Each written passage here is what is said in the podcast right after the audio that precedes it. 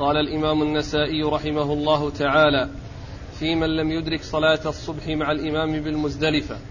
قال أخبرنا سعيد بن عبد الرحمن. قال حدثنا سفيان عن إسماعيل وداود وزكريا عن الشعبي عن عروة بن مضرس رضي الله عنه أنه قال رأيت رسول الله صلى الله عليه وآله وسلم واقفا بالمزدلفة فقال من صلى معنا صلاتنا هذه ها هنا ثم أقام معنا وقد وقف قبل ذلك بعرفة ليلا أو نهارا فقد تم حجه. بسم الله الرحمن الرحيم. الحمد لله رب العالمين. وصلى الله وسلم وبارك على عبده ورسوله نبينا محمد وعلى آله وأصحابه أجمعين. أما بعد يقول النسائي رحمه الله باب في من لم يدرك صلاة الصبح مع الإمام بالمزدلفة.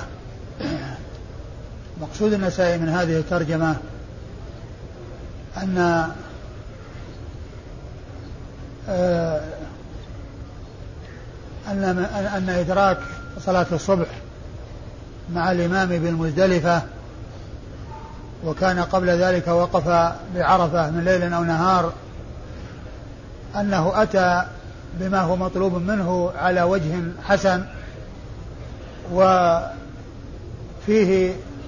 الحديث وقد أورد النسائي حديث عروة مضرس رضي الله تعالى عنه وقد جاء إلى النبي صلى الله عليه وسلم وصلى معه ووجده واقفا بالمزدلفة يعني يدعو بعد صلاة الصبح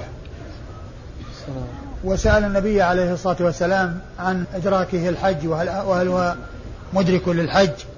وكان جاء متأخرا وذهب إلى عرفة ووقف وتنقل من مكان إلى مكان لأنه يريد أن يكون مدركا الحج. وسأل النبي عليه الصلاة والسلام عن حجه فقال عليه الصلاة والسلام من صلى معنا وأقام معنا ها هنا وكان وقف قبل ذلك بعرفة من ليل أو نهار فقد تم حجه. ومعنى هذا أن الوقوف بعرفة هو الركن الذي لا بد منه وأن له وقت ينتهي بطلوع الفجر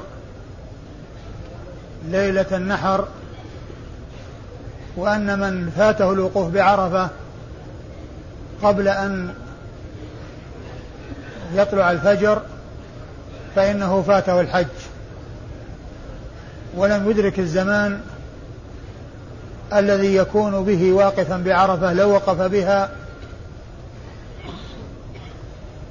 ومن كان كذلك أي محرما بالحج وقد فاته الحج فإنه يتحلل بعمرة ويتحول إلى عمرة ويطوف ويسعى ويحلق.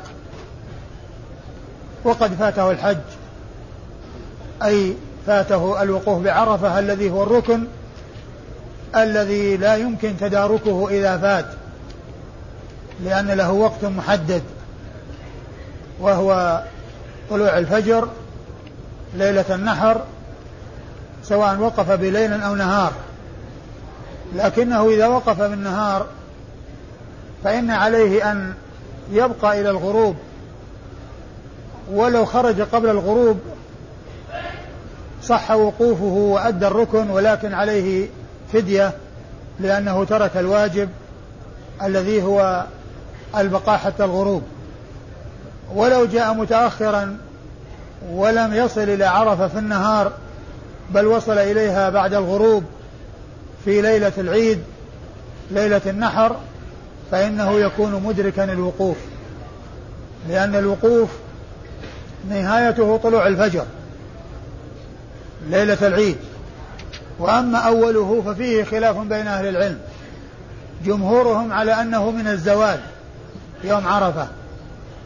وبعض العلماء قال إن النهار كله ما كان قبل الزوال وما كان بعده فإنه وقت للوقوف. والذين قالوا بأن الوقوف يبدأ من الزوال استدلوا بفعله عليه الصلاة والسلام فإنه لم يقف بعرفة إلا بعد الزوال. وقد قال خذوا عني مناسككم. ومن قال إنه يصح الوقوف قبل الزوال استدل بحديث عروة بن مبرس هذا لأن النبي عليه الصلاة والسلام قال وكان وقف بعرفة قبل ذلك من ليل أو نهار فقوله من ليل أو نهار يدل على أن الوقوف في أي وقت من النهار أي نهار عرفة سواء كان قبل الزوال أو بعده فإنه يكون مدركا الوقوف بعرفة. ثم إن بعض أهل العلم استدل على أو ذهب إلى أن المبيت بمزدلفة واجب ركن. ويستدل على ذلك بما جاء في هذا الحديث أن النبي عليه الصلاة والسلام قال من صلى صلاتنا ووقف قبل ذلك بعرفة بليل أو نهار ولكن الصحيح أنه ليس بركن بل هو واجب وأن الصلاة مع الإمام أو الصلاة بالمزدلفة ليلة العيد ليست متعينة بدليل أن النبي عليه الصلاة والسلام رخص للضعفة من النساء والصبيان أن ينصرفوا آخر الليل ويصلوا الصبح بمنى فلو كانت صلاة الصبح بالمزدلفة متعينة ما كان النبي صلى الله عليه وسلم يرخص لهؤلاء الذين هم الضعفة من النساء والصبيان. فدل ترخيصه للضعفة من النساء والصبيان على أن صلاة الصبح بالمزدلفة ليست بمتعينة ليست بلازمة ليست بركن لأن الركن لا يترك في حق أحد بل هو لازم في حق الجميع. ولما جاء عن النبي صلى الله عليه وسلم ما يدل على تركه في حق البعض وهم ضعف من النساء والصبيان دل على أنه ليس بلازم وأن وأن من انصرف آخر الليل إلى المزدل إلى عر إلى إلى, إلى منى فإن له ذلك إذا كان من الضعفة والنساء من الضعفة من النساء والصبيان ومن يرافقهم. عن عروة بن مضرس رضي الله عنه أنه قال رأيت رسول الله صلى الله عليه وآله وسلم واقفا بالمزدلفة فقال من صلى معنا صلاتنا هذه ها هنا ثم أقام معنا وقد وقف قبل ذلك بعرفة ليلا أو نهارا فقد تم حجه. قوله تم حجه أي أتى تم حجه يعني على وجه حسن وليس معنى ذلك أن ما تقدم أو ما ذكر أنها أركان وأن المبيت بمزدلفة ركن بل الركن هو عرفة الذي جاء في حديث قول النبي صلى الله عليه وسلم الحج عرفة. الحج عرفة.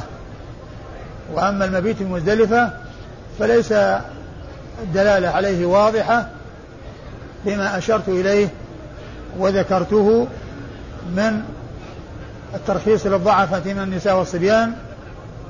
وهنا ذكر تمام الحج أي أنه حصل الشيء الذي لا بد منه وهو الوقوف بعرفة والذي له وقت محدد إذا فات فات لا يمكن تداركه وما عدا ذلك من الأركان.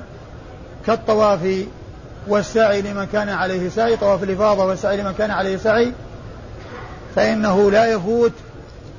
ويمكن أن لو ترك فإنه يتدارك. وأما الوقوف في عرفة فإنه إذا فات الوقت لا يمكن تداركه. نعم الإسناد. قال أخبرنا سعيد بن عبد الرحمن. أخبرنا سعيد بن عبد الرحمن المخزومي وهو ثقة أخرج حديثه الترمذي والنسائي. عن سفيان. عن سفيان وهو بن عيينة وهو ثقة أخرج حديثه أصحاب الكتب الستة وسفيان هنا غير منسوب والمراد به ابن عيينة ولا يحتمل أن يكون الثوري لأن الثوري متقدم الوفاة لأنه توفي سنة 161 وعلى هذا عندما يأتي في شيوخ النساء من يروي عن سفيان غير منسوب فإنه يحمل على ابن عيينة ولا يحمل على الثوري لأنهم ما أدركوه لأنهم ما أدركوه فيكون الحمل على الإطلاق على سفيان بن عيينة عندما يروي عنه شيخ من شيوخ النسائي عندما يروي عن سفيان غير منسوب شيخ من شيوخ النسائي فإنه يحمل على أنه ابن عيينة. عن إسماعيل. عن إسماعيل ابن أبي خالد وهو ثقة أخرج حديثه أصحاب الكتب الستة. وداود. وداود بن أبي هند وهو ثقة أخرج حديثه البخاري تعليقا ومسلم وأصحاب السنة الأربعة. وزكريا. وزكريا بن أبي زائدة وهو ثقة أخرج حديثه أصحاب الكتب الستة. عن الشعبي. عن الشعبي وهو عامر بن شراحيل. عامر بن شراحيل الشعبي ثقة فقيه أخرج حديثه أصحاب الكتب الستة وهو مشهور بهذه النسبة الشعبي ويأتي ذكره أحيانا باسمه فيقال عامر بدون أن يضاف إليها شيء وهو الشعبي. فلا آه، يلتبس على من يعرف أن الشعبي هو عامر حيث يذكر الشعبي في بعض الأحايين ويذكر لفظ عامر في بعض المواضع فإن الشعبي هو عامر وهو عامر بن شراحيل يأتي ذكره باسمه أحيانا فيقال عامر ويأتي ذكره بهذه النسبة التي هي الشعبي ولا يلتبس ذلك لمن يعرف أن هذه النسبة يراد بها عامر بن شراحيل. عن عروة. عن عروة بن مضرس الطائي صحابي له في الكتب في كتب السنن الأربعة هذا الحديث الواحد المتعلق بالحج. أن عروة بن مضرس صحابي وهو من طي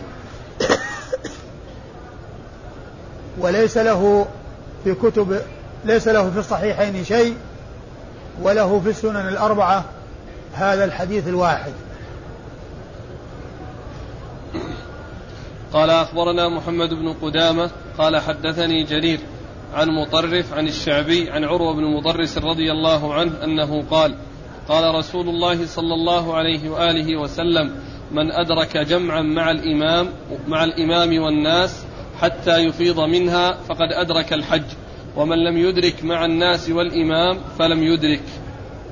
هذا الحديث فيه اختصار أو هذه الرواية عن عروة بن مضرس فيها اختصار لأنه ما ذكر آه الذي لا بد منه كما ذكر في بعض الروايات وهي الوقوف بعرفة.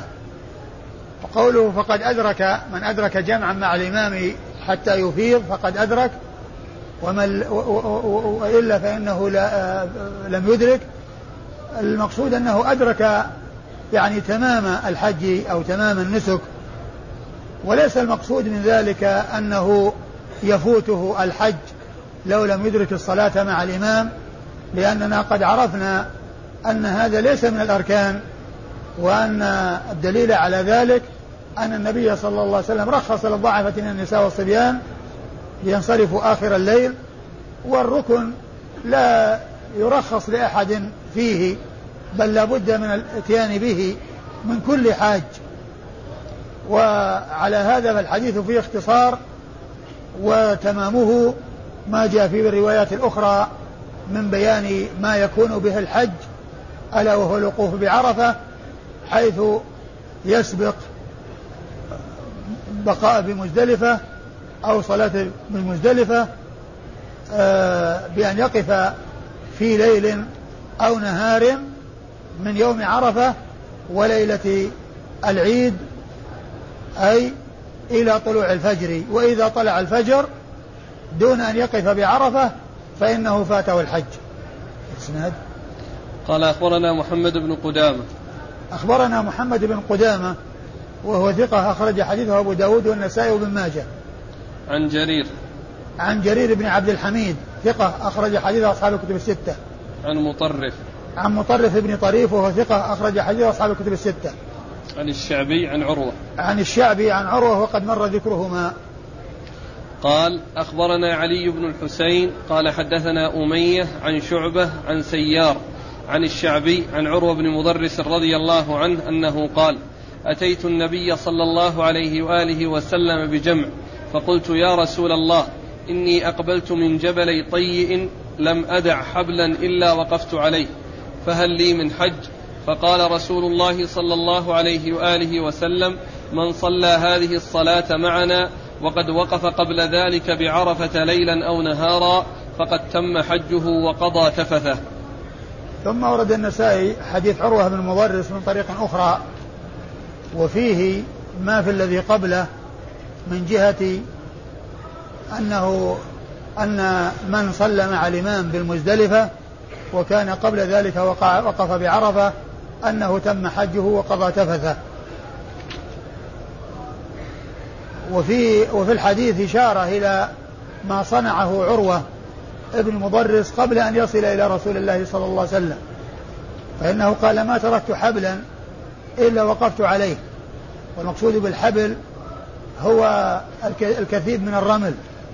المكان المرتفع من الرمل سواء كان مستطيلا أو واقفا. وقالوا وقيل ويقال إن الحبل من الرمل كالجبل يعني آه، من آه، آه، الصخور والحجارة. إلا أن هذا ذاك جبل يكون من الحجارة والصخور وهذا حبل من الرمال يعني شيء مرتفع إلا أنه رمل والجبل مرتفع إلا أنه حجارة وصخور إلا أنه حجارة وصخور. فالرمل يقال له حبل المكان المرتفع من الرمل يقال له حبل ويقال لها حبال. وعروة بن مضرس رضي الله عنه يقول ما تركت حبلا من الحبال إلا وقفت عليه. يعني ما رأى مكانا مرتفع من هذه الرمال البارزة العالية إلا وقف لأنه يريد أن يدرك الوقوف ولا يدري يعني آه، ولم ولم يلقى النبي صلى الله عليه وسلم قبل ذلك حتى يسير معه وحتى يقتدي به. فجاء إلى النبي صلى الله عليه وسلم وسأله والنبي صلى الله عليه وسلم أعطاه جوابا عاما أعطى جوابا عاما أن من صلى صلاتنا وكان وقف قبل ذلك بعرفة فقد قضى حجه أو تم حجه وقضى تفثه. آه، تم حجه بمعنى أنه آه، سلم من فوات الحج. وكذلك أيضا أتى بالحج على وجه حسن لأنه وقف بالمزدلفة. لكن لكن الأمر كما قلت ليس هذا بركن الذي هو المبيت بالمزدلفة والصلاة على الإمام بالمزدلفة. وقوله وقضى تفثه أي بلغ الحد الذي به يمكن أن أن يتخلص من الأشياء التي كان ممنوعا منها بسبب الإحرام كالحلق والتقصير وتقليم الحلق وتقليم الحلق والتقصير وتقليم الأظفار وإزالة الأدران وذلك أنه وصل إلى الحد الذي يمكن أن ينتهي من هذه الأمور وذلك إن وذلك إنما يكون بعد رمي الجمرة آه، جمرة العقبة يوم العيد. أي أنه وصل إلى هذا الحد أو قارب هذا الحد وتمكن من أن يقوم بهذه الأمور التي كان ممنوعا منها في حال الإحرام. وذلك بوصوله إلى منى ورميه الجمرة وقد عرفنا فيما مضى أنه يجوز تقديم أعمال يوم النحر الأربعة التي هي الرمي والحلق والنحر والطواف بعضها على بعض. قال أخبرنا علي بن الحسين. أخبرنا علي بن الحسين الدرهمي وهو صدوق ولا ثقة؟ صدوق. صدوق أخرج حديثه. أبو داود والنسائي. أخرج حديثه أبو داود والنسائي. عن أمية. عن أمية عن أمية بن خالد وهو ثقة. أخرج حديثه أصحاب الكتب. وهو صدوق. وهو صدوق. أخرج حديثه. مسلم وأبو داود والترمذي والنسائي. وهو صدوق. أخرج حديثه مسلم وأبو داود والترمذي والنسائي. عن شعبة. عن شعبة بن الحجاج الواسطي ثم البصري. وهو ثقة وصف بأنه أمير المؤمنين في الحديث وحديثه أخرجه أصحاب الكتب الستة. عن سيار. عن سيار أبو الحكم وهو ثقة أخرج حديثه أصحاب الكتب الستة. وعندكم خطأ في الكتاب يسار. وهو سيار أبو الحكم. ثقة أخرج حديثه أصحاب الكتب الستة. عن الشعبي عن عروة. عن الشعبي عن عروة وقد مر ذكرهما. قال أخبرنا إسماعيل بن مسعود. قال حدثنا خالد عن شعبة عن عبد الله بن أبي السفر قال سمعت الشعبي يقول حدثني عروة بن مضرس بن أوس بن حارثة بن لام رضي الله عنه أنه قال أتيت النبي صلى الله عليه وآله وسلم بجمع فقلت هل لي من حج؟ فقال من صلى هذه الصلاة معنا ووقف هذا الموقف حتى يفيض وأفاض قبل ذلك من عرفات ليلا أو نهارا فقد تم حجه وقضى تفثه. ثم ورد النسائي حديث عروة بن المضرس من طريق أخرى وهو مثل الذي قبله. والإسناد؟ قال أخبرنا إسماعيل بن مسعود. أخبرنا إسماعيل بن مسعود أبو مسعود البصري ثقة أخرج حديثه النسائي وحده. عن خالد. عن خالد بن الحارث البصري ثقة أخرج حديثه أصحاب الكتب الستة. عن شعبة عن عبد الله بن أبي السفر. عن شعبة وقد مر ذكره عن عبد الله بن أبي السفر وهو ثقة أخرج حديثه أصحاب الكتب الستة إلا الترمذي. عن الشعبي عن عروة. عن الشعبي عن عروة وقد مر ذكرهما. قال أخبرنا عمرو بن علي قال حدثنا يحيى عن إسماعيل قال أخبرني عامر قال أخبرني عروة بن مضرس الطائي رضي الله عنه أنه قال أتيت رسول الله صلى الله عليه وآله وسلم فقلت أتيتك من جبلي طيء أكللت مطيتي وأتعبت نفسي ما بقي من حبل إلا وقفت عليه فهل لي من حج؟ فقال من صلى صلاة الغداة ها هنا معنا وقد أتى عرفة قبل ذلك فقد قضى تفثه وتم حجه.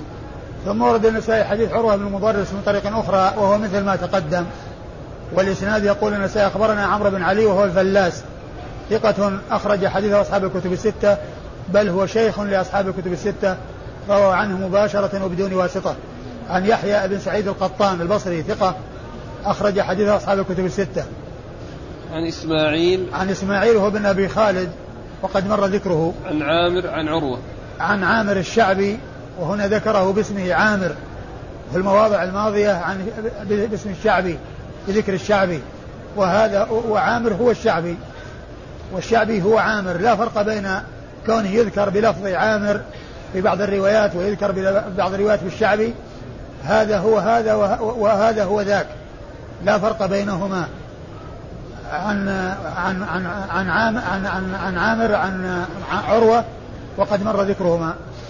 قال أخبرنا عمرو بن علي قال حدثنا يحيى قال حدثنا سفيان قال حدثني بكير بكير بن عطاء قال سمعت عبد الرحمن بن يعمر الديلي قال شهدت النبي صلى الله عليه وآله وسلم بعرفة وأتاه ناس من نجد فأمروا رجلا أن فأمروا رجلا فسأله فسأله عن الحج فقال الحج عرفة من جاء ليلة جمع قبل صلاة الصبح فقد أدرك حجه أيام منى ثلاثة أيام من تعجل في يومين فلا إثم عليه ومن تأخر فلا إثم عليه ثم أردف رجلا فجعل ينادي بها في الناس.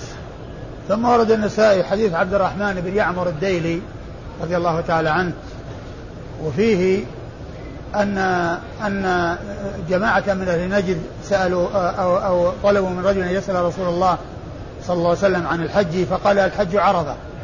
الحج عرفة يعني أن الحج الركن الأعظم أو الركن الذي يفوت الحج بفواته هو عرفة. وليس معنى ذلك أن الحج كله عرفة وأنه ليس هناك شيء آخر سواه بل هناك أركان أخرى غير الوقوف بعرفة وهي الإحرام من المي... الإحرام بال... بالحج الذي هو النية والوقوف بعرفة والطواف والسعي. هذه أركان الحج الأربعة. التي لا بد منها. أركان الحج الأربعة التي لا بد منها هي هذه الأمور. لكن آه الركن الأول الذي هو الإحرام آه العمل ينبني عليه. لأنه لا بد من النية ولا بد من الدخول في النسك. والذي يفوت الحج بفواته هو الوقوف بعرفة. والطواف والسعي لا يفوت الحج بفواتهما. فلو ذهب إلى بلاده جاهلا أو ناسيا يرجع ويأتي بهما. لكن إذا فات فات الوقوف بعرفة وطلع الفجر يوم عرفة خلاص انتهى. ما في مجال الحج هذه السنة. لأن الحج فات. فات زمنه وفات وقته. الحج عرفة. وهذا من جنس قوله صلى الله عليه وسلم الدين النصيحة. مع أن الدين شيء غير النصيحة لكن هذا يبين أهمية النصيحة وأهمية الوقوف بعرفة. وأهمية الوقوف بعرفة. ثم قال إيش؟ الحج عرفة؟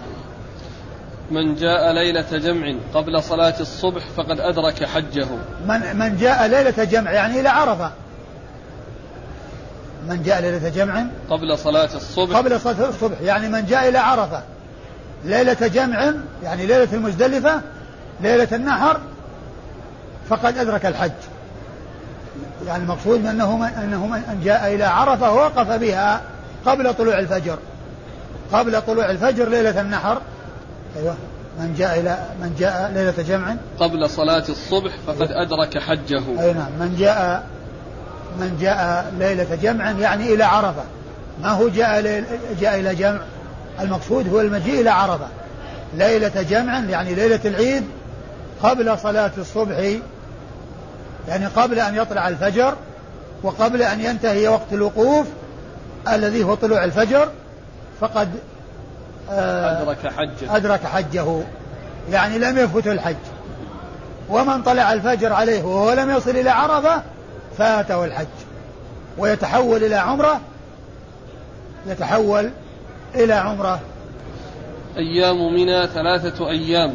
من تعجل في يومين فلا إثم عليه فلا إثم عليه. أيام منى ثلاثة أيام. من تعجل في يومين فلا إثم عليه ومن تأخر فلا إثم عليه. أيام منها المقصود بها أيام التشريق؟ التي هي الحادي عشر والثاني عشر والثالث عشر. ويوم النحر هو من أيام منى ولكنه لم ينص عليه لأن له أعمال غير أعمال أيام منى الثلاثة. لأن أيام منى الثلاثة آه، فيها المبيت وفيها الرمي. وأما يوم النحر فيه أعمال متعددة. يعني فيه رمي الجمرة وحده يعني آه، والحلق أو التقصير والنحر والطواف. فليس مقصورا في يعني على النحر بل هو فيه نحر وغير نحر. فيه نحر وغير نحر. فالثلاثة الأيام التي من تعجل في يوم منها لا إثم عليه ومن تأخر هي أيام التشريق. وليس وليس يوم العيد منها وليس يوم النحر منها. يعني بحيث بعض الناس يفهم خطأ فيقول من تعجل في يومين ويحسب يوم العيد ويوم 11 وإنما المقصود ثلاثة أيام تبدأ من الحادي عشر خارجة عن يوم العيد. وأيام الذبح أربعة يوم العيد وثلاثة أيام وأيام التشريق الثلاثة. لكن قيل عن أيام منها الثلاثة لأن يوم العيد يختلف عنها بوجود أعمال أخرى فيه. بوجود أعمال أخرى فيه. ولأن الرمي في الأيام الثلاثة يختلف عن رمي يوم العيد. لأن رمي العيد ما فيه إلا جمرة العقبة. والأيام الثلاثة كلها ترمى الجمرات الثلاث. كلها. ولهذا الأيام الأربعة اللي أيام الذبح يوم يوم يوم النحر والأيام الثلاثة التي أيام منها يوم 11 ويسمى يوم القر يعني كون الناس مستقرين في هذا اليوم ما في تفكير في الخروج والانصراف والانطلاق من منى ويوم ال 12 يوم النفر الأول يوم النفر الأول الناس ينفرون من منى وهذا لمن أراد أن يتعجل واليوم الثالث يوم النفر الثاني. فأيام التش... أيام أيام منى الثلاثة يوم النفر الأول يوم يوم القر اللي هو 11 وهو استقرار الناس بمنى ويوم النفر الأول الذي هو التعجل. لمن تعجل في يومين يوم 11 و 12 والثالث اللي هو النفر الثاني لمن أراد أن يتأخر. وقد جاء ذكر ذلك في القرآن فمن تعجل في يوم فلا إثم عليه ومن تأخر فلا إثم عليه. والتأخر أفضل من التعجل لأن فيه زيادة عمل يثاب الإنسان عليه. والنبي صلى الله عليه وسلم تأخر ولم يتعجل عليه الصلاة والسلام. نعم. ثم أردف رجلا فجعل ينادي بها في الناس. فجعل ينادي بها في الناس يعني في هذا الكلام الذي قاله عليه الصلاة والسلام. نعم. قال أخبرنا عمرو بن علي أخبرنا عمرو بن علي عن يحيى وقد مر ذكرهما يحيى, يحيى القطان وقد مر ذكرهما. عن سفيان. عن سفيان هو الثوري سفيان بن سعيد بن مسروق الثوري ثقة فقيه وصف بأنه أمير المؤمنين في الحديث وحديثه أخرجه أصحاب الكتب الستة. عن بكير بن عطاء. عن بكير بن عطاء الليثي وهو صدوق أو ثقة. ثقة. ثقة أخرج حديثه أبو داود والنسائي. أصحاب السنن. أخرج حديثه أصحاب السنن. ثقة أخرج حديثه أصحاب السنن. عن عبد الرحمن بن يعمر الديلي وهو صحابي أخرج حديثه أصحاب السنن الأربعة. قال أخبرنا يعقوب بن إبراهيم قال حدثنا يحيى بن سعيد قال حدثنا جعفر بن محمد قال حدثني أبي قال أتينا جابر بن عبد الله رضي الله عنهما فحدثنا أن رسول الله صلى الله عليه وآله وسلم قال المزدلفة كلها موقف. ثم ورد النسائي حديث جابر بن عبد الله رضي الله تعالى عنهما أن النبي عليه الصلاة والسلام قال المزدلفة كلها موقف. لأن النبي صلى الله عليه وسلم وقف في المكان الذي وقف فيه وهو عند مكان المسجد وقال مكان المسجد الموجود بمزدلفة وقال وجمع كلها موقف. يعني معناه ليس الوقوف منحصرا في هذه البقعة التي وقف فيها رسول الله صلى الله عليه وسلم. وهذا مثل ما قال في عرفة وقفت ها هنا وعرفة كلها موقف. وارفع عن بطن عرنة عرنة ثم في مزدلفة قال جمع كلها موقف. أو المزدلفة كلها موقف. وليس المقصود آه، آه، آه، الموقف منحصرا في البقعة التي وقف فيها رسول الله صلى الله عليه وسلم. وكذلك أيضا في النحر في منى نحر في مكان معين من منى وقال نحرت ها هنا ومنى كلها منحر. يعني معنى ما هو البقعة التي حصل فيها الفعل من رسول الله صلى الله عليه وسلم ينحصر الحكم فيها. قال ذلك في النحر يعني آه، في مكان النحر في منى وقال ذلك في مزدلفة وقال ذلك في عرفة نعم. قال أخبرنا يعقوب بن إبراهيم. يعقوب بن إبراهيم الدورقي. ثقة أخرج حديث أصحاب الكتب الستة وهو شيخ لأصحاب الكتب الستة. عن يحيى بن سعيد.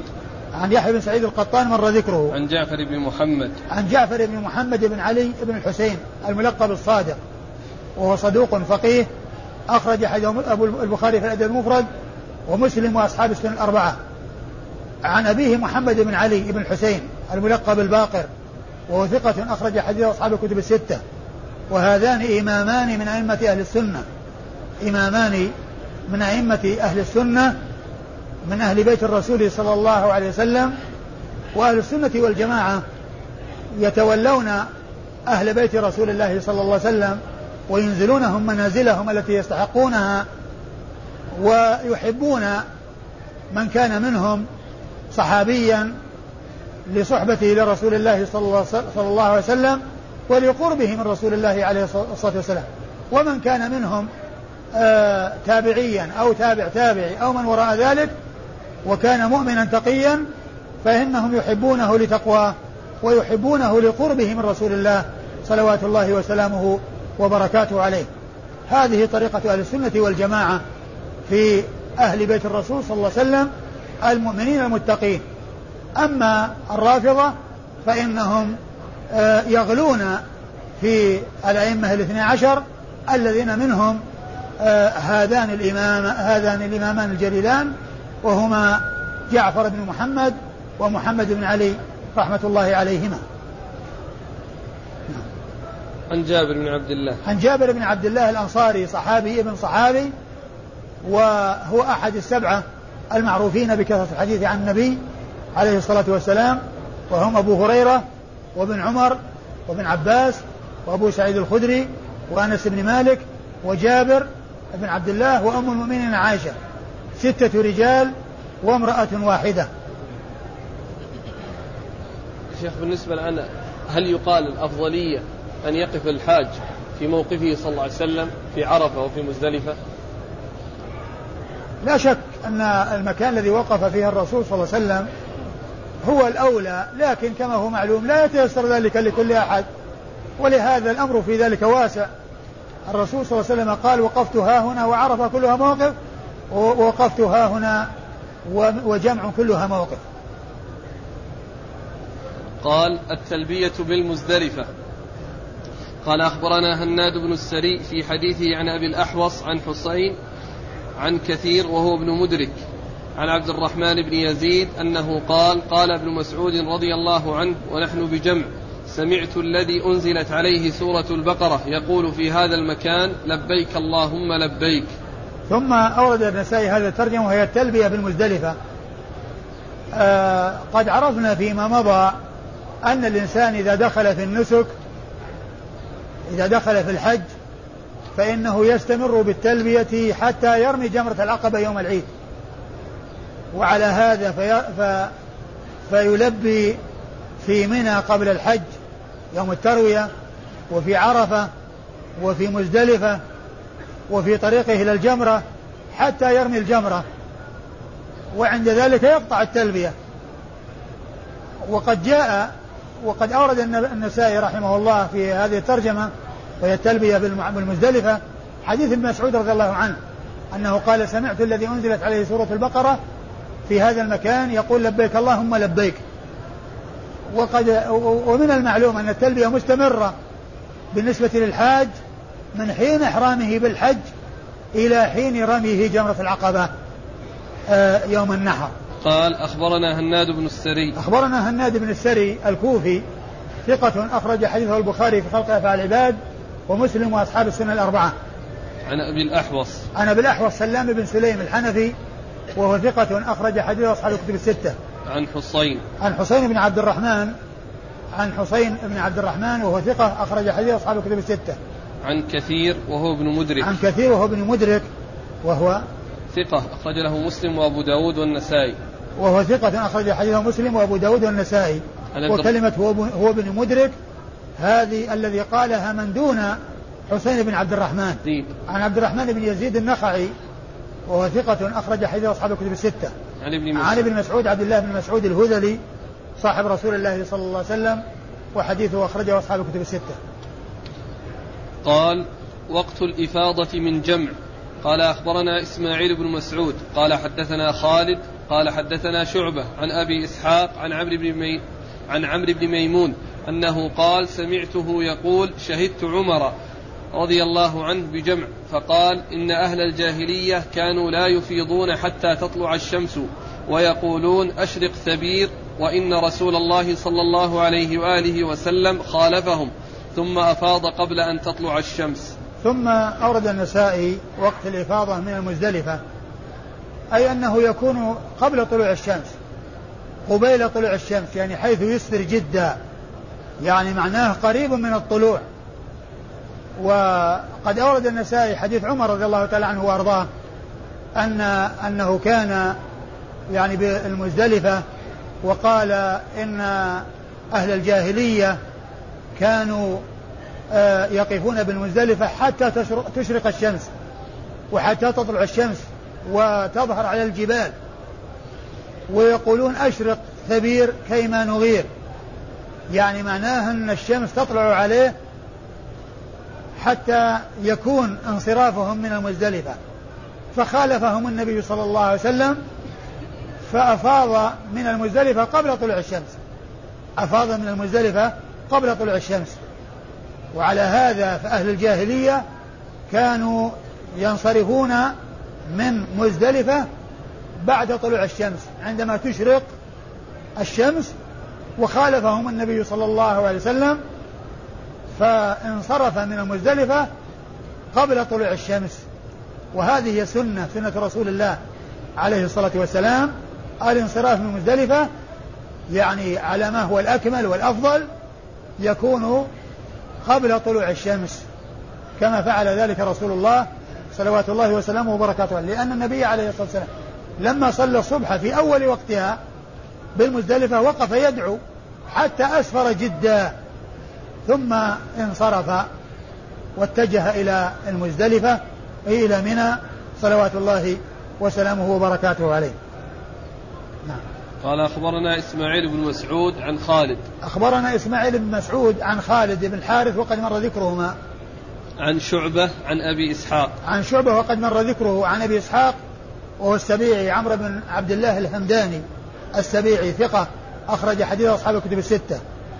عن عمرو بن ميمون. عن عمرو بن ميمون آه، عن عمرو بن ميمون الأودي وهو ثقة أخرج حديث أصحاب الكتب الستة. عن عمر. عن عمر بن الخطاب رضي الله عنه الخليفة الراشد ثاني الخلفاء الراشدين الهادين المهديين صاحب المناقب الجمة والفضائل الكثيرة رضي الله تعالى عنه وأرضاه.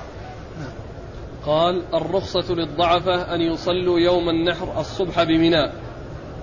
قال أخبرني محمد بن عبد الله بن عبد الحكم عن أشهب أن داود بن عبد الرحمن حدثهم أن عمرو بن دينار حدثه أن عطاء بن أبي رباح حدثهم أنه سمع ابن عباس رضي الله عنهما يقول أرسلني رسول الله صلى الله عليه وآله وسلم في ضعفة أهله فصلينا الصبح بمنى ورمينا الجمرة. ثم ورد النسائي هذه الترجمة هي الرخصة للضعفة بصلاة الصبح بمنى. يعني معناه أنهم ينصرفون آخر الليل ويصلون الصبح بمنى ولهم أن يرموا الجمرة أي جمرة العقبة عندما يصلون إلى منى سواء كان ذلك قبل الفجر أو بعد الفجر وسواء كان ذلك قبل طلوع الشمس أو بعد طلوعها آه وكان و و و وهنا عبر بالرخصة وهذا يدل على أن المبيت بمزدلفة واجب أو الإشارة إلى أنه واجب لأن الترخيص إنما يكون من أمر واجب لأن الأمور المستحبة المسنونة لا يحتاج الأمر معها إلى ترخيص كل له أن يفعل. لكن لما جاء ذكر الترخيص ولما كان حصل الترخيص لفئة من الناس دل على أن المبيت واجب لأنه لو لم يكن واجب ما احتيج إلى الترخيص. ثم ورد النسائي حديث ابن عباس عبد الله بن عباس رضي الله عنهما وهو أن النبي صلى الله عليه وسلم أرسله في ضعفة أهله فصلوا الصبح بمنى ورموا الجمرة. نعم. قال أخبرني محمد بن عبد الله بن عبد الحكم. أخبرني محمد بن عبد الله بن عبد الحكم المصري وهو ثقة. ثقة هو صدوق. ثقة. ثقة أخرج حديثه النسائي وحده. عن أشهب. عن أشهب بن عبد العزيز المصري وهو ثقة. أخرج حديثه أبو داود النسائي نعم أخرج حديثه أبو داود النسائي عن داود بن عبد الرحمن عن داود بن عبد الرحمن وهو ثقة أخرج له أصحاب الكتب وهو ثقة أخرج له أصحاب الكتب الستة عن عمرو بن دينار عن عمرو بن دينار المكي وهو ثقة أخرج حديثه أصحاب الكتب الستة. عن عطاء بن أبي رباح. عن عطاء بن أبي رباح المكي وهو ثقة أخرج حديثه أصحاب الكتب الستة. عن ابن عباس. عن ابن عباس عبد الله بن عباس بن عبد المطلب بن عم النبي صلى الله عليه وسلم وأحد العبادلة الأربعة من أصحابه الكرام وهم عبد الله بن عمر وعبد الله بن عباس وعبد الله بن عمر وعبد الله بن الزبير وعبد الله بن عمرو بن العاص وهو أحد السبعة المعروفين بكثرة الحديث عن النبي عليه الصلاة والسلام والذين مر ذكرهم آنفا. الرمي في هذا الحديث كان قبل الصلاة أو بعد الصلاة؟ هذا ما في تعرض الحديث هنا اللفظ ليس في تعرض لأن قبل الصلاة أو بعد الصلاة يعني هنا مطلق لكن جاء في بعض الأحاديث ما يدل على أنهم رموا ليلا. قال أخبرنا محمد بن آدم بن سليمان. قال حدثنا عبد الرحيم بن سليمان عن عبيد الله عن عبد الرحمن بن القاسم عن أبيه عن أم المؤمنين عائشة رضي الله عنها أنها قالت وددت أني استأذنت رسول الله صلى الله عليه وآله وسلم كما استأذنته سودة رضي الله عنها فصليت, فصليت الفجر بمنى قبل أن يأتي الناس. وكانت سودة امرأة ثقيلة ثبطة فاستأذنت رسول الله صلى الله عليه وآله وسلم فأذن لها فصلت الفجر بمنى ورمت قبل أن يأتي الناس. ثم أورد النسائي حديث عائشة أم المؤمنين رضي الله عنها وأرضاها وفيه أنها كانت تود أنها لو استأذنت في الانصراف من مزدلفة آخر الليل كما فعل بعض نساء رسول الله عليه الصلاة والسلام مثل سودة رضي الله تعالى عنها وأرضاها وكانت ثقيلة ثبطة ف يعني آه، صلت الصبح بمنى ورمت قبل أن يأتي الناس. آه، يعني أن النبي صلى الله عليه وسلم رخص لضعفة أهله وبعض نسائه بقين معه كعائشة. رضي الله تعالى عنها وأرضاها. نعم. قال أخبرنا محمد بن آدم بن سليمان. محمد بن آدم بن سليمان الجهني وهو صدوق أخرج حديثه أبو داود والنسائي.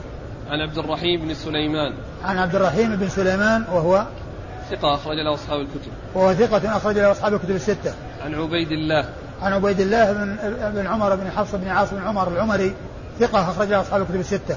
عن عبد الرحمن بن القاسم. عن عبد الرحمن بن القاسم بن محمد بن أبي بكر وهو ثقة أخرج حديثه أصحاب الكتب الستة. عن أبيه عن أبيه القاسم بن محمد بن أبي بكر ثقة فقيه أحد فقهاء المدينة السبعة في عصر التابعين. وهم آه القاسم بن محمد هذا وعروة بن الزبير وسعيد بن المسيب وسليمان بن يسار وخارجة بن زيد وسعيد بن المسيب وعبيد الله بن عبد وعبيد الله بن عبد الله بن عتبة بن مسعود والسابع فيه ثلاث أقوال قيل أبو بكر بن عبد الرحمن بن الحارث بن هشام وقيل أبو سلمة بن عبد الرحمن بن عوف وقيل سالم بن عبد الله بن عمر بن الخطاب عن عائشة أم المؤمنين رضي الله عنها وأرضاها الصديقة بنت الصديق أم المؤمنين التي أنزل الله تعالى براءتها مما رميت به من الإفك في آيات تتلى من سورة النور. قال أخبرنا محمد بن سلمة قال أخبرنا ابن القاسم قال حدثنا قال حدثني مالك عن يحيى بن سعيد عن عطاء بن أبي رباح أن مولا لأسماء بنت أبي بكر أخبره قال جئت مع أسماء بنت أبي بكر رضي الله عن عنهما منا بغلس فقلت لها لقد جئنا منا بغلس فقالت قد كنا نصنع هذا مع من هو خير منك. ثم أورد النسائي حديث أسماء بنت أبي بكر رضي الله تعالى عنها وأرضاها ويرويه مولى لها أنها أنه قال جئت معها إلى منى بغلس فذكر لها ذلك فقالت كنا نفعله مع من هو خير منك يعني رسول الله صلى الله عليه وسلم. يعني أنها فعلت ذلك آه، بعد وفاة الرسول عليه الصلاة والسلام ولما يعني ذكر لها مولاها يعني ذلك أشارت إلى أنها كانت تفعله مع رسول الله عليه الصلاة والسلام ومعنى هذا أنه قد رخص للضعفة من النساء والصبيان أن ينصرفوا آخر الليل. والإسناد؟ قال أخبرنا محمد بن سلمة. محمد بن سلمة المرادي المصري وهو ثقة أخرج حديث مسلم وأبو داود والنسائي وابن ماجه. عن ابن القاسم. عن ابن القاسم عبد الرحمن بن القاسم وهو ثقة أخرج حديثه البخاري وأبو داود في المراسيل والنسائي. عن مالك, عن مالك. بن أنس إمام دار الهجرة المحدث الفقيه الإمام مشهور أحد أصحاب المذاهب الأربعة المشهورة من مذاهب أهل السنة وحديثه أخرجه أصحاب الكتب الستة. عن يحيى بن سعيد. عن يحيى بن سعيد الأنصاري المدني ثقة أخرج حديثه أصحاب الكتب الستة. عن عطاء بن أبي رباح. عن عطاء بن أبي رباح وقد مر ذكره. عن مولى لأسماء. عن مولى لأسماء ذكر الحافظ بن حجر أنه عبد الله بن كيسان. وهو ثقة أخرج حديثه أصحاب الكتب الستة. عن أسماء. عن أسماء بنت أبي بكر رضي الله تعالى عنها وأرضاها وحديثها أخرجه أصحاب الكتب الستة.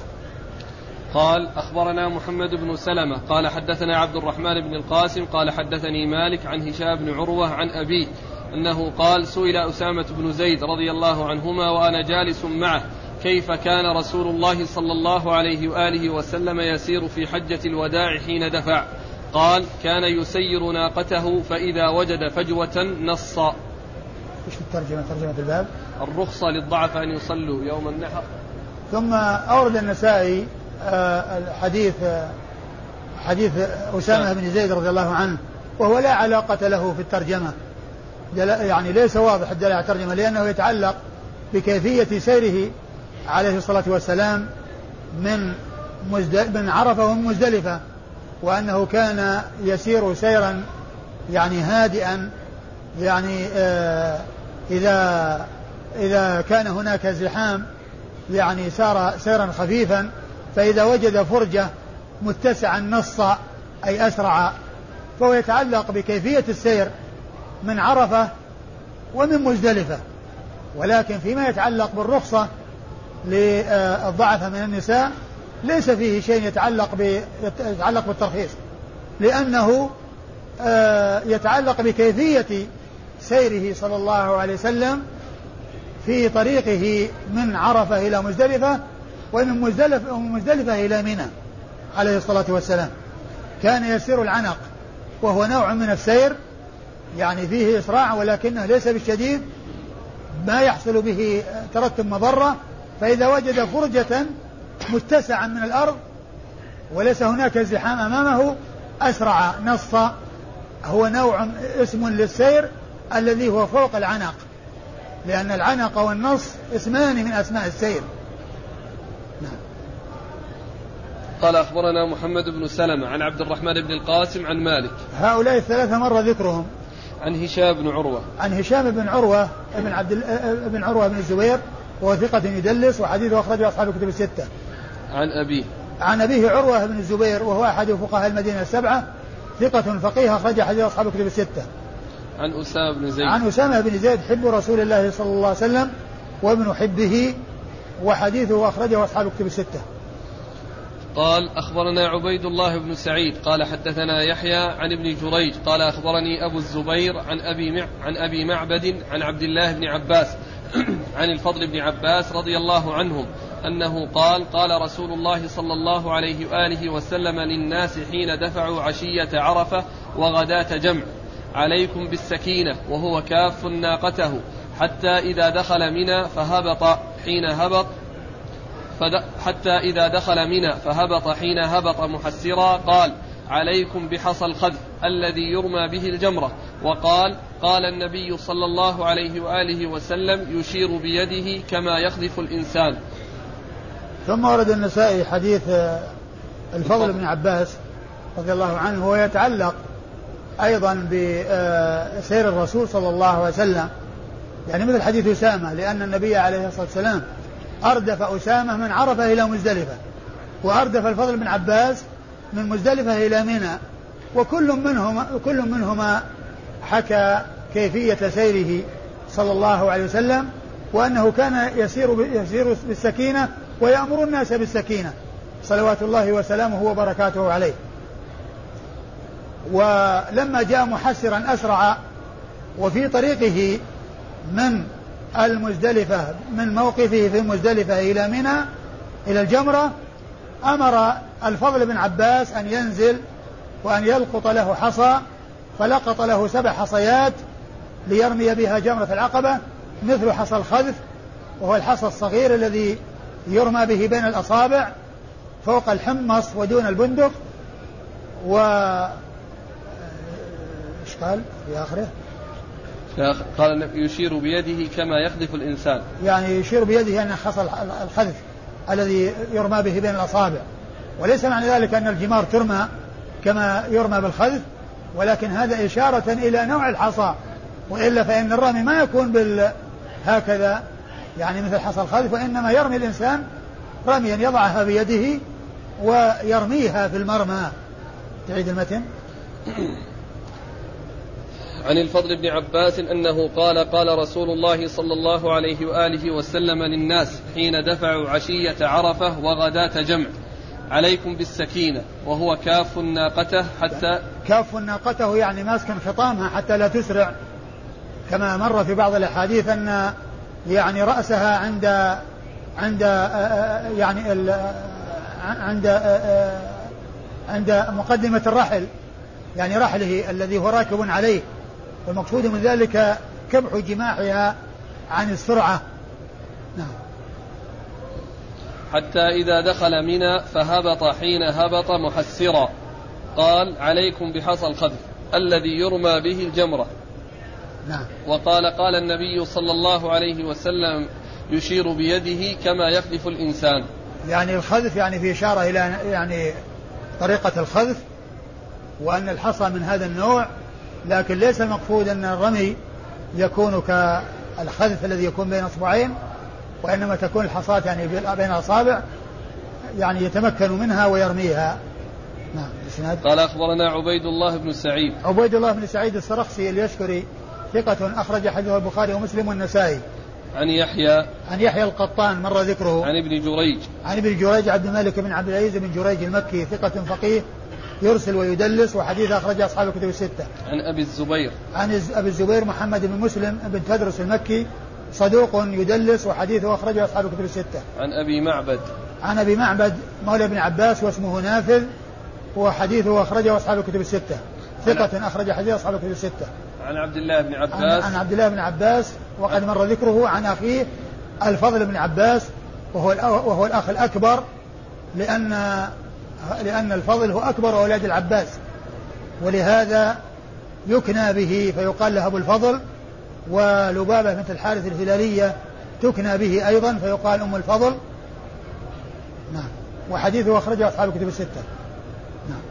الإيضاع في وادي محسر. بقي ثلاث دقائق. نقرأ. اقرأ الحديث. قال أخبرنا إبراهيم بن محمد قال حدثنا يحيى عن سفيان عن أبي الزبير عن جابر رضي الله عنه أن النبي صلى الله عليه وآله وسلم أوضع في وادي محسر.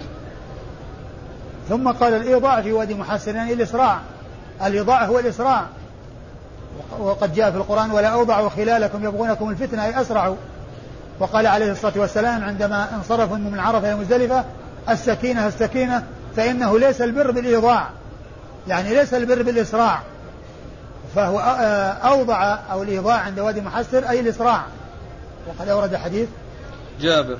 حديث جابر رضي الله عنه أن النبي صلى الله عليه وسلم أسرع أن النبي صلى الله عليه وسلم أسرع. أوضع في وادي محسر. أوضع في وادي محسر أي أسرع. وإنما أسرع لأنه مكان تعذيب. عذب به أصحاب الفيل. وكان من هديه عليه الصلاة والسلام أن أنه إذا مر في أماكن العذاب يسرع وقد أسرع هنا وكما جاء أيضا في عندما مر بديار ثمود وهو ذاهب إلى تبوك فإنه أسرع حتى تجاوزها صلوات الله وسلامه وبركاته عليه. نعم. قال أخبرنا إبراهيم بن محمد. أخبرنا إبراهيم بن محمد التيمي وهو ثقة أخرج له أبو داود والنسائي. ثقة أخرج حديث أبو داود والنسائي.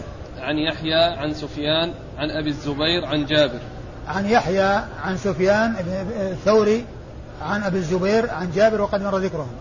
قال أخبرني إبراهيم بن هارون قال حدثنا حاتم بن إسماعيل قال حدثنا جعفر بن محمد عن أبيه أنه قال دخلنا على جابر بن, جابر بن عبد الله رضي الله عنهما فقلت أخبرني عن حجة النبي صلى الله عليه وآله وسلم فقال إن رسول الله صلى الله عليه وآله وسلم دفع من المزدلفة قبل أن تطلع الشمس وأردف الفضل بن العباس حتى أتى محسرا حرك قليلا ثم سلك الطريق الوسطى التي تخرجك على الجمرة الكبرى حتى أتى الجمرة التي عند الشجرة فرمى بسبع حصيات يكبر مع كل حصاة منها حصى الخذف رمى من بطن الوادي. ثم ورد حديث جابر بن عبد الله رضي الله عنه من طريق أخرى وهو من طريق جعفر بن محمد عن أبيه عن جابر رضي الله تعالى عنه.